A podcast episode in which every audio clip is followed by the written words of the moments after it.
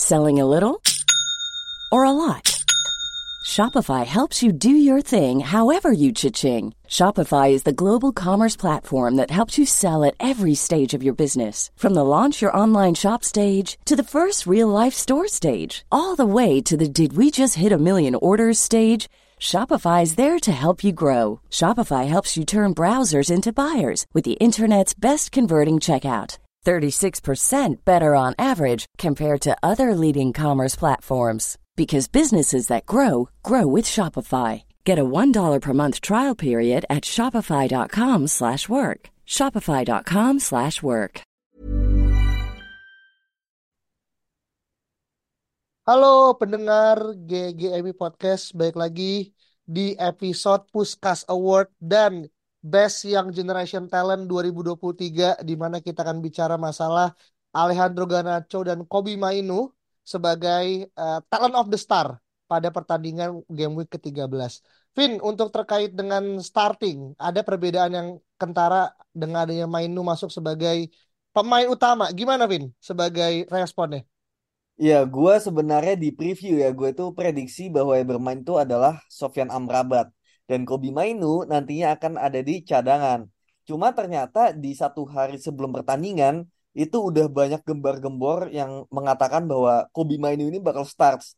Dan gue jujur, gue udah gak peduli sama prediksi gue ya gitu. Karena kalau misalnya Kobi Mainu ini starts, gue bakal sangat-sangat excited gitu. Dan ternyata beneran starts gitu. Dan another line up juga Luke Shaw ini yang tadinya gue prediksi bakal jadi back tengah kiri, ternyata mainnya di back kiri gitu karena Wan Bisaka dicadangin dan Dalot di kanan gitu. Kemudian Varane jadi cadangan pun itu juga udah uh, expected juga ya gitu karena bakal Maguire Lindelof paling ya di depan aja Hoylund ternyata nggak dibawa Samsek, Anthony juga cedera, jadinya kita melihat Anthony Martial yang bermain di sana gitu. Oke, tapi lu berarti lebih kepada karena kita juga sudah pernah banyak melakukan bisa dibilang eksperimen ya dan belum begitu berhasil dengan menempatkan double pivot lah sebagai McTominay sebagai nomor uh, eh, 8 lah dan akhirnya kemarin terbukti gitu kan. Dan akhirnya kita melakukan suatu hal yang jarang dilakukan sama MU yaitu adalah menang besar. nah ini sebenarnya sebenarnya episode lebih ke saung kali ya karena uh, Garnacho tiba-tiba menjadi trending topik ya sejagat sosial media semua platform membicarakan Garnacho. Nah, boleh dong dirangkum kira-kira gimana lu yang sampai nge-tweet lima kali tentang Nge-tweet lima kali, terus IG story dua kali gue lihat-lihat. iya, isinya Garnacho semua loh.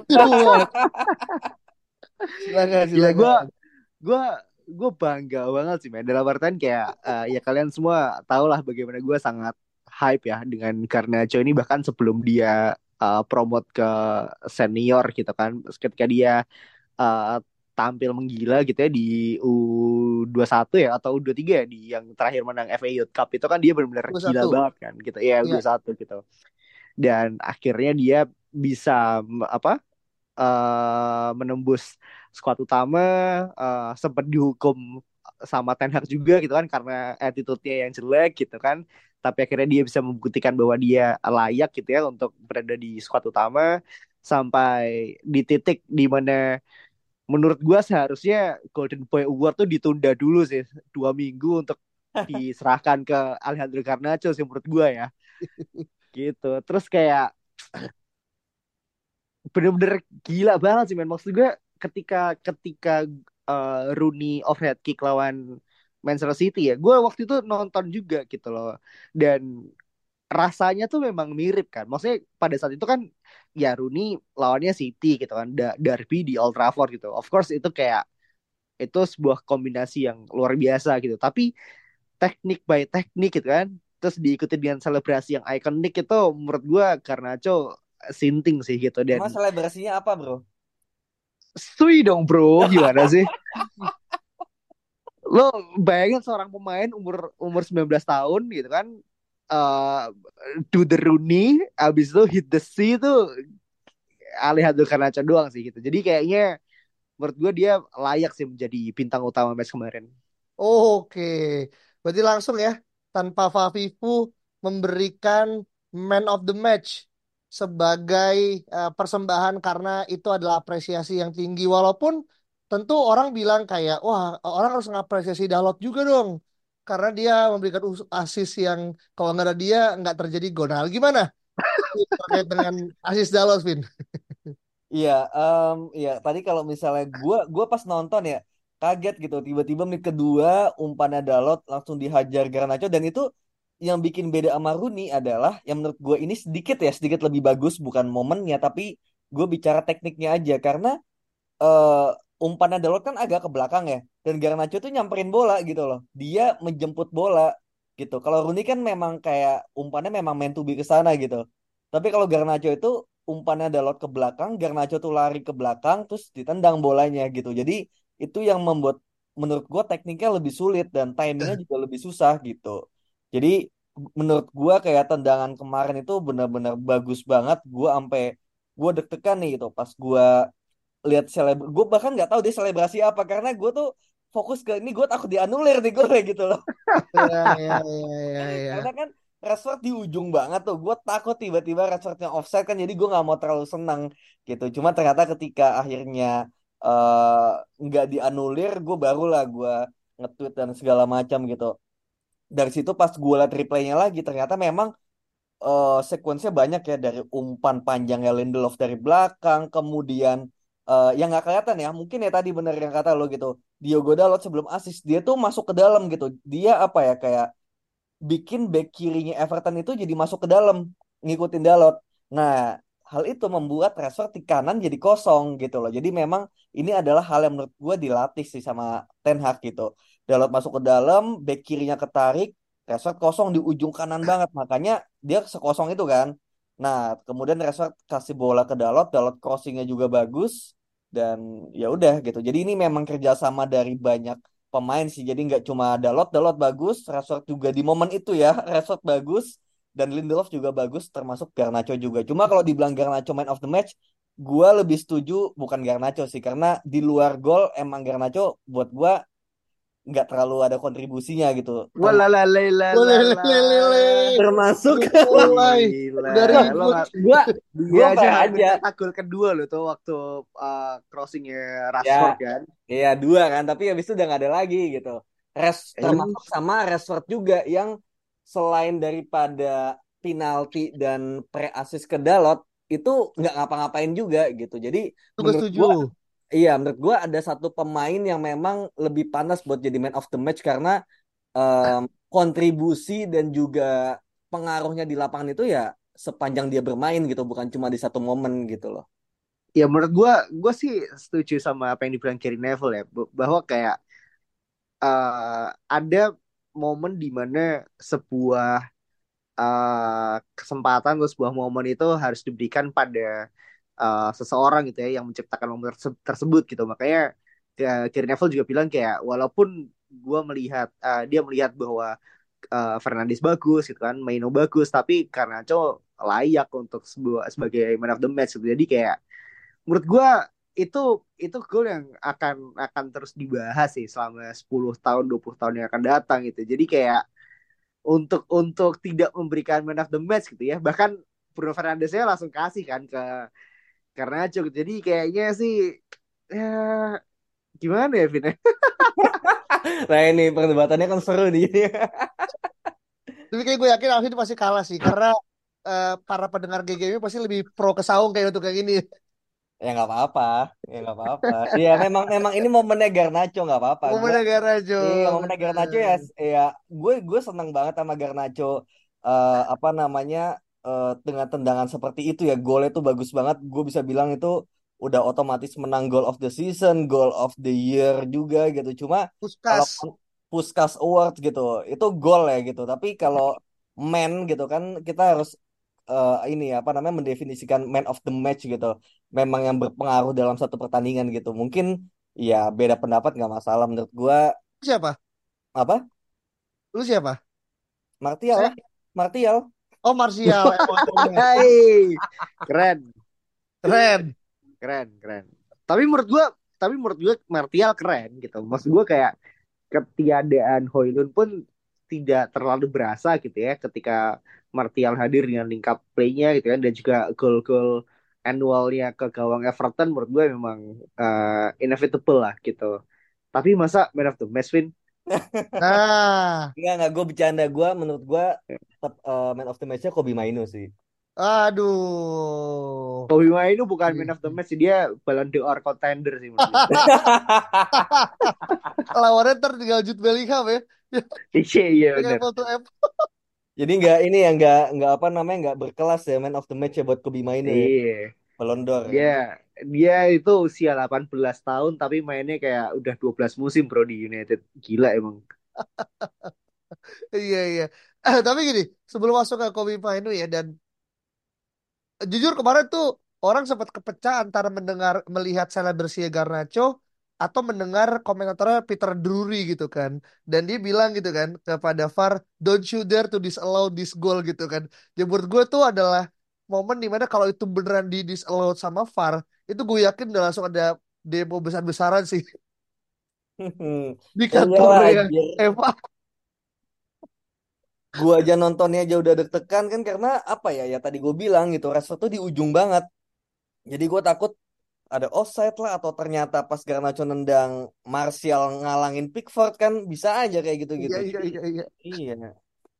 Iya, iya. Tapi untungnya gol ya dan akhirnya tercatat eh, dan kita mungkin bagian dari orang yang melihat ya sejarah tersebut gitu kan. Dan banyak akhirnya sekarang moodnya secara happy dan tentu yang akan menjadi topik besar adalah bagaimana peran Kobe Mainu yang buat gue sangat sentral. Tidak hanya bagaimana dia berhasil untuk membuat kita nih fans MU lupa kalau kita punya Casemiro yang sedang cedera gitu kan. Tapi dia yang tadi Saung bilang dia udah mature eh, seolah udah main 12 musim gitu kan. Dan satu hal yang gue inget tuh adalah dia ngelakuin penyelamatan ya di bibir garis ya Ung ya. Eh, babak pertama gitu kan. Kalau nggak salah tendangannya dari Harrison. Dan itu kalau misalkan dia nggak cepat untuk akhirnya ngesilangin kaki, mungkin kita udah seri satu sama gitu kan. Tapi dulu daripada itu apa Ung yang lu bisa tangkap dari minus lain secara performance-nya di brilian banget kemarin? Em, bahwa kayak ketiadaan Maino di awal musim ya ketika dia injury itu memang benar-benar merusak ritme yang sudah dibikin oleh Ten Hag sih gitu. Kayak uh, Ten Hag mungkin agak sedikit linglung ya ketika dia harus mendapatkan pengganti uh, Mainu gitu kayak siapa yang kira-kira pemain yang bisa secara peran itu bisa uh, sama nih gitu. Nah, ternyata dengan midfield yang kita punya kayak uh, Casemiro, kayak Amrabat, kayak McTominay itu semua adalah tipe pe- pemain yang berbeda men, dengan Mainu gitu. Kayak Mainu tuh bisa uh, bikin chance itu bisa, dia bisa defense dengan bagus gitu kan, dan juga dia kayak secara composure itu memang uh, memang beda sih gitu dengan pemain-pemain yang lainnya gitu. Dan ini uh, sebuah komplement yang menurut gue sangat-sangat tinggi gitu ya dari Ten Hag untuk main gitu. Bahwa kayak ketika dia udah sembuh langsung masuk starting lineup gitu. Nggak peduli ada Amrabat nggak peduli ada Casemiro gitu. Dan ini kayak sebuah statement bahwa dia memang dari sejak awal gitu ya dari sejak uh, pramusim Many of us have those stubborn pounds that seem impossible to lose, no matter how good we eat or how hard we work out. My solution is PlushCare. PlushCare is a leading telehealth provider with doctors who are there for you day and night to partner with you in your weight loss journey. They can prescribe FDA-approved weight loss medications like Wagovi and Zepbound for those who qualify. Plus, they accept most insurance plans. To get started, visit plushcare.com slash weight loss. That's plushcare.com slash weight loss. Hiring for your small business? If you're not looking for professionals on LinkedIn, you're looking in the wrong place. That's like looking for your car keys in a fish tank. LinkedIn helps you hire professionals you can't find anywhere else, even those who aren't actively searching for a new job but might be open to the perfect role. In a given month, over 70% of LinkedIn users don't even visit other leading job sites. So start looking in the right place. With LinkedIn, you can hire professionals like a professional. Post your free job on linkedin.com slash people today. Ten Hag yakin gitu bahwa Mainu tuh bisa jadi peran sentral lah di squad United musim ini gitu. Oke. Dan, dan Oh satu ya, yang, yang? Gimana, Vin? ya dan satu yang apa ya kayak menunjukkan bahwa Mainu ini berkelas adalah em, komennya Gary Neville gitu. Dia bilang kalau Mainu ini lebih mirip pemainnya Manchester City gitu loh. Karena memang pemain-pemain City kan kurang lebih sama ya. Dribblenya bagus, body feint-nya bagus, passingnya bagus, bisa ngatur tempo gitu. Di MU yang bisa gitu cuma Erikson doang gitu loh. Jadi em, apa ini benar-benar pemain yang apa ya menurut gua kombinasi dari Pogba, Thiago Alcantara sama mungkin Frankie De Jong gitu ya. Maksudnya bukan berarti tiga pemain jadi satu, enggak, tapi ada beberapa mungkin hal-hal dari mereka yang digabung kemudian ya jadi Kobe Mainu gitu. Gitu sih. I see. Berarti kayak missing piece yang selama ini kita eluh-elukan bukan Amrabat ya, Unge. Enggak ada yang bilang Amrabat juga sih, Bro. Soalnya kan orang dulu kan ketika sebelum deadline transfer kan berharap Amrabat adalah Amrabat seperti yang di Piala Dunia gitu kan yang bisa mengangkat mental derajat MU untuk akhirnya at least bisa uh, head to head dengan Casemiro atau dia menggantikan Casemiro gitu. Ternyata sampai dengan pekan ke-13 ya keberadaan Mainu yang baru satu kali main itu udah ngebuat kita percaya bahwasanya musim ini masih panjang gitu loh Vin. Karena kemarin kan Trip yang bilang gue bahkan sempat ngerasa udahlah selesai aja lah musim ini gitu ya udah ini udah gak usah ikut apa-apa gitu kata juga kalah-kalah juga gitu tapi semenjak kemarin gue ngerasa chance kita untuk lolos ke Liga Champions masih terbuka dan at least kita masih bisa survive karena jarak kita ke peringkat pertama itu tinggal enam poin lagi gitu kan. Jadi masih bisa lah untuk kita ngejar di zona Liga Champions gitu kan. Tapi selain daripada dua Mainu dan juga Garnacho yang menurut gue pasti akan tetap mendapatkan jam terbang ya along the time. Tapi apa hal positif yang bisa diambil dari pertandingan kemarin Vin secara umum dan berlanjut pada match kita di minggu depan. Kita akan ketemu Galatasaray away tandang ke Turki dan bukan hal mudah karena tentu atmosfernya pasti akan sangat penuh dengan tekanan gitu, Vin. Iya, satu hal positif lainnya adalah ya menurut gua Andre Onana ya. Bagaimana dia beberapa kali penyelamatan, terutama di babak pertama, terutama juga setelah menit ke-10 gitu. Jadi sejujurnya ya, gua bisa bilang kemarin tuh dari skor mungkin gede ya. Tapi sebenarnya dari permainan tuh kayak ya masih ups and down. Terutama di babak pertama setelah menit 10 itu benar-benar MU digempur, nggak bisa main bola gitu. Jadi kayak tiba-tiba tuh mainnya balik ke direct dan long ball lagi gitu loh.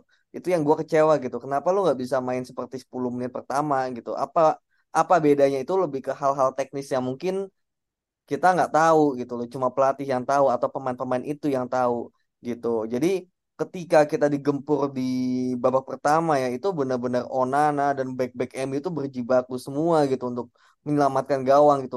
Gue udah nggak bisa ngitung ya Onana berapa penyelamatan. Bahkan ada yang double save ya gitu. Pakai tangan, pakai kaki gitu. Dan akhirnya di babak kedua juga berlanjut. Pertahanan MU bagus gitu.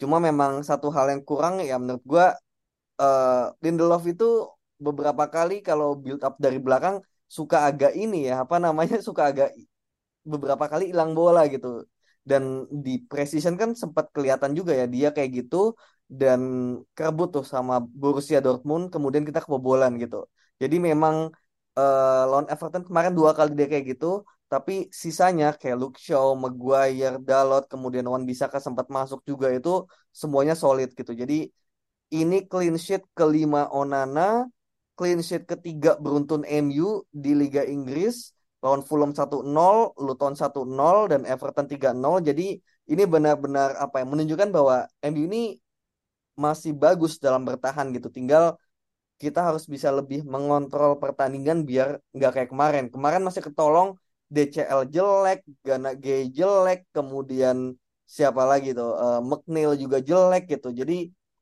ini ketolong itu. Belum nanti kalau misalnya nanti kita ketemunya Icardi, Wilfried Zaha gitu. Jadi jangan sampai kita terlena dengan kemenangan ini meskipun skornya gede ya gitu. Oke, berarti tetap eh, perlu gini. Mungkin gue rasa ini adalah momentum setelah international break ya. Eh, lagi bagus dan ini adalah misi di mana kita bisa menyelamatkan poin untuk menjaga asal lolos ke babak berikutnya ya di zona Liga Champion. Dan tadi lu bilang kalau apa yang akan menjadi eh, poin adalah mempertahankan konsistensi. Dan ngomongin Onana sempat ada lihat tuh di X terkait dengan Onana dan juga eh Ederson ya. Eh sorry, Eh, siapa? Eh, Alisson yang dilakukan komparasi dan ternyata kayak so far statsnya Onana lebih bagus gitu dibandingkan eh, apa namanya dibandingkan kiper Liverpool gitu kan. Walaupun dia lagi cedera ya. Tadi gue juga baca gitu kan. Tapi gini, Ung, apakah lu percaya kalau Garnacho dan juga Mainu akan bermain lagi, Ung, di tengah pekan ini melawan Galatasaray dengan penampilan apiknya di eh, apa namanya eh, akhir pekan kemarin? Garnacho dan Mainu tuh sudah menjadi sebuah keniscayaan sih men. Jadi Oke. menurut gue kehadiran dia di starting eleven itu ada sesuatu yang mutlak sih menurut gue gitu. Eh, setelah apa yang dia tampilkan ya di Iya. pertandingan sebelumnya lawan Everton. Jadi kalau misalkan Ten Hag ingin ngedrop dia gitu katakanlah menurut gue tuh harus harus benar-benar ada alasan yang benar-benar sangat masuk akal sih gitu. Karena gue tidak melihat satu atau dua pemain yang saat ini gitu ya itu bisa menggantikan eh, mereka secara performa dan quality itu hampir nggak ada sih gitu. Entah itu Anthony mungkin untuk uh, Garnacho gue ngerti gitu. Mungkin untuk Rashford oke lah gitu. cuman Garnacho tetap harus start gitu terus Hmm. untuk uh, Mainu mungkin apakah Erikson atau mungkin uh, siapa namanya uh, Amrabat kah Oh, jadi gue tetap belum ketemu sih siapa jadi kayaknya memang dua orang pemain ini tetap akan bermain sih menurut gue I see. Dan kemarin ya, Vin ya, gue inget juga tuh pas kita ngebahas masalah episode Whole Neves gitu kan. Gue bisa membayangkan kalau musim depan tengahnya Ne- Neves dan juga Mainu kayak 10 tahun ke depan kita udah secure ya. Iya iya iya iya. Iya kan. Eh, ya ini dia dia andai-andai walaupun tentu mendapatkan Neves tidak akan mudah gitu kan. Tapi Eh, ya tapi gue ya gue setuju juga sama Saung gitu kayak kita akan ada di momen-momen krusial di seminggu ini ya kita akan lawan Galatasaray away nanti kemudian di weekend kita lawan Newcastle away gitu loh. Jadi ini wah, memang seminggu tiga pertandingan yang berat banget away semua gitu. Jadi ya, kita harus coba apa ya lewati satu persatu dan harus dengan pemain-pemain terbaik kita gitu. Lawan Newcastle abis itu lawannya siapa? Lawannya Chelsea tapi Chelsea gampang sih menurut gua. Jadi ya aduh. gitu. Jadi Iya, kita Galatasaray dulu ya. Eh, apa namanya? Menurut gua ya Garnacho main juga selain daripada memang lagi on form juga nggak ada pilihan gitu karena Rashford kan kartu merah ya gitu.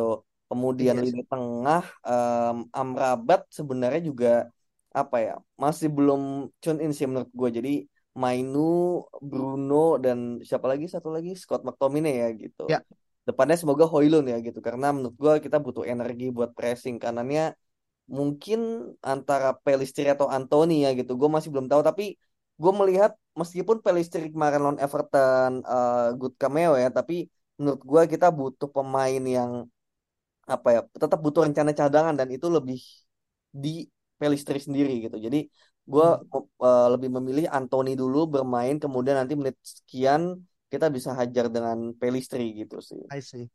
Iya, iya. Dan juga inget ya Palestina kemarin pas lagi international break mainnya bagus ya. Pas dia Uruguay ngalahin Argentina kan. Jadi gue ngerasa nih anak emang butuh jam terbang aja sih Vin. Dan sayang kalau dia main di reserves. Tapi kalau kita kasih dia loan juga takutnya jadi kayak wasted talent. Tapi sedangkan persaingan di sayap kanan juga udah semakin ketat gitu. Dan eh, kita juga ngelihat ya Amat Diallo juga udah mulai balik ya ke Carrington kan. Jadi ini bakalan jadi sayap kanan bakalan tentu diperebutkan sama minimal tiga nama lah gitu. Dan ya kita berharap yang terbaik yang akan mengisi posisi starting sih. eh paling itu aja. Eh dari Alvin saya juga dari asal juga kayak kita nggak ada prediksi skor ya. Kita lagi poin bagus jangan ngejinx. Jadi biar prediksi salto apa? prediksi salto lagi nggak Ada kisah satu lagi oh jangan lupa show gue sih berharap main lagi sih. Karena keberadaan show tuh bener-bener ngebuat pembeda ya menurut gue ya. Dan iya at iya Luxio bakal main di back kiri apa back tengah nih berarti? siapa? Luke Shaw. Iya. Nah menarik back nih. kiri lah Di kiri sih. back kiri udah udah menurut gue Shaolin the Love Maguire Dalot itu udah udah udah cukup solid lah saat ini gitu Berarti AWB nggak main nih? Kan lawannya Zaha nih. Nanti oh iya bener AWB berarti Oh Gimana iya, nih? AWB, AWB.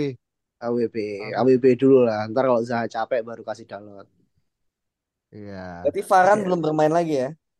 Paran mungkin balik ke Prancis dulu sih bro Emang kita Eh, kena mood scam kena scam Madrid Mart nih kayaknya. ya. iya moodnya harus dibikin bagus dulu sih itu grupnya tuh apa ex Madrid itu grupnya harus segera dibubarkan sih menurut gua gitu cukup toksik Ini kalau bisa Ronaldo, Casemiro, Varane, Reguilon juga by the way kan ex Madrid. Iya, ex Madrid. Iya. Reguilon kan antek-anteknya Ten Hag gitu. Dia yang ini tahu dia. Kayaknya bang, Operan-operannya. kayaknya bukan ini sih, lebih baik katalognya dihapus sih.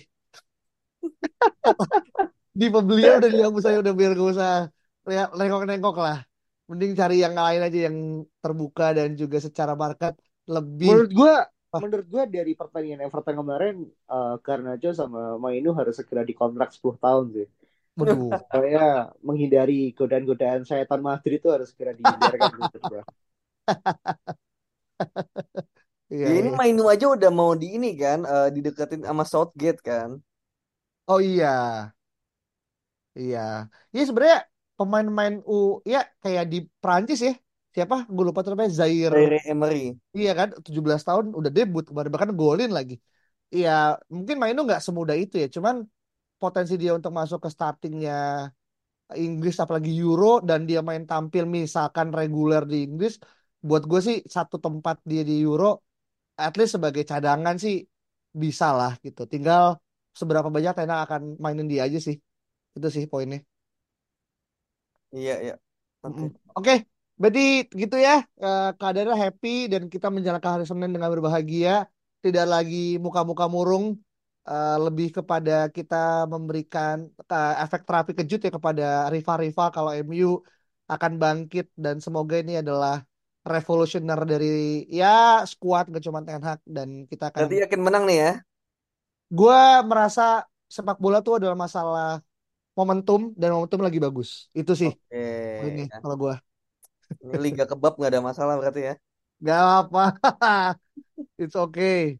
Ya kalaupun kalah ya kita starting dari awal lagi lah. Toh juga Januari kan mau buka ya, jadi gue sih berharap tetap ada penambahan walaupun kita nggak tahu eh, siapa dan gimana segala macam. Paling itu dulu teman-teman. Kalau ada pandangan berbeda silakan langsung aja reply di Twitter at GGIB Podcast. Kita ketemu lagi di episode berikut ya. Bye bye. Planning for your next trip? Elevate your travel style with Quince. Quince has all the jet setting essentials you'll want for your next getaway, like European linen, premium luggage options, buttery soft Italian leather bags, and so much more. And is all priced at 50 to 80% less than similar brands. Plus, Quince only works with factories that use safe and ethical manufacturing practices. Pack your bags with high-quality essentials you'll be wearing for vacations to come with Quince. Go to quince.com slash pack for free shipping and 365-day returns.